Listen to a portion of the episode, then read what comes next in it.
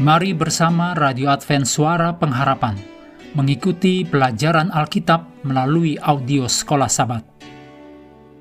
Selanjutnya kita masuk untuk pelajaran hari Rabu tanggal 28 September, judulnya Harga Keangkuhan. Mari kita mulai dengan doa singkat yang didasarkan dari Yeremia 20 ayat 12. Ya Tuhan semesta alam, yang menguji orang benar, yang melihat batin dan hati. Amin.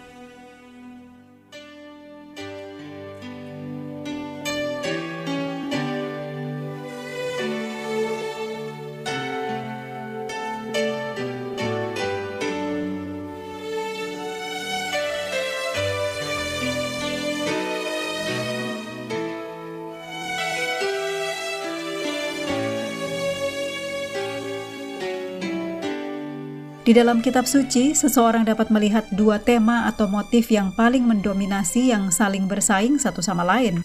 Salah satunya adalah tema Salem, Gunung Sion, Yerusalem, dan Yerusalem baru, yang melambangkan kerajaan Allah.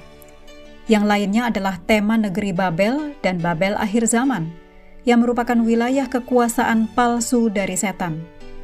Beberapa kali Tuhan memanggil umatnya keluar dari Babel, untuk melayani Tuhan di tanah perjanjian. Misalnya, Abram, kemudian namanya menjadi Abraham, diminta untuk pindah dari Ur Kasdim ke tanah Kanaan. Demikian dicatat dalam kejadian 11 ayat 3 sampai pasal 12 ayat 9. Pada akhir pengasingan panjang mereka, orang-orang Yahudi meninggalkan negeri Babel dan kembali ke Yerusalem yang dicatat dalam Esra pasal 2. Dan dalam kitab Wahyu, umat Allah dipanggil keluar dari Babel akhir zaman yang dicatat dalam Wahyu 14 ayat 8 untuk tinggal bersamanya pada akhirnya di Gunung Sion dan Yerusalem baru. Dicatat dalam Wahyu 14 ayat 1, juga Wahyu 21 ayat 1 sampai 3 dan ayat 10 dalam Yesaya 14 ayat 12 sampai 15, bagian dari perikop yang diberi judul Ejekan tentang Raja Babel menjelaskan kejatuhan bintang timur, putra Fajar, serta konsekuensi jangka panjang yang dibawa oleh kesombongan Lucifer saat berada di surga bagi alam semesta dan dunia ini. Dalam Alkitab, kota Babel melambangkan kekuatan yang bertentangan langsung dengan Allah dan kerajaannya dan Raja Babel dengan kiasan khusus untuk Nebukadnezar menjadi simbol kebanggaan dan keangkuhan. Tuhan telah mengungkapkan kepada Raja Nebukadnezar bahwa Babel hanyalah kepala emas dari patung besar kerajaan yang berurutan yang ditulis dalam Daniel 2 ayat 37 dan 38. Menantang ilham Tuhan, Nebukadnezar membuat patung yang seluruhnya terbuat dari emas, simbol bahwa kerajaannya akan bertahan selamanya, dan bahkan mengharuskan semua orang untuk menyembahnya. Demikian dicatat dalam Daniel pasal 3.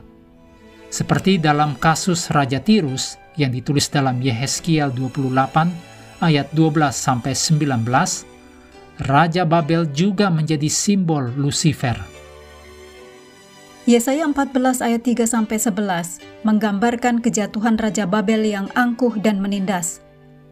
Kemudian Yesaya 14 ayat 12 sampai 15 bergerak dari ranah sejarah ke pengadilan surgawi dan menyoroti bahwa roh kesombongan dan keangkuhan yang serupa menyebabkan awal kejatuhan Lucifer.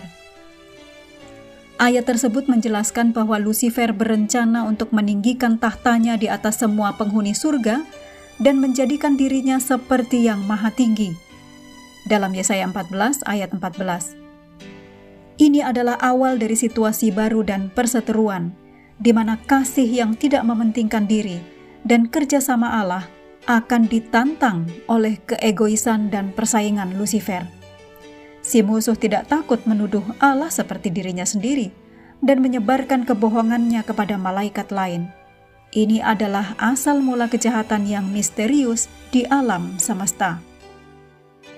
Begitu mudah untuk menjadi bangga dan menyombongkan posisi atau pencapaian kita atau keduanya dengan menempatkan salib di depan kita akan mencegah kita jatuh ke dalam jebakan kesombongan.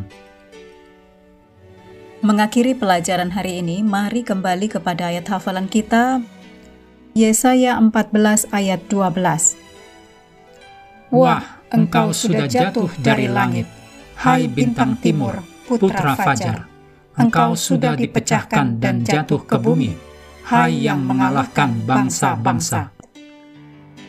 Hendaklah kita terus tekun mengambil waktu bersekutu dengan Tuhan setiap hari bersama dengan seluruh anggota keluarga, baik melalui renungan harian, pelajaran sekolah sahabat, juga bacaan Alkitab sedunia, percayalah kepada nabi-nabinya, yang untuk hari ini melanjutkan dari 1 Samuel 22.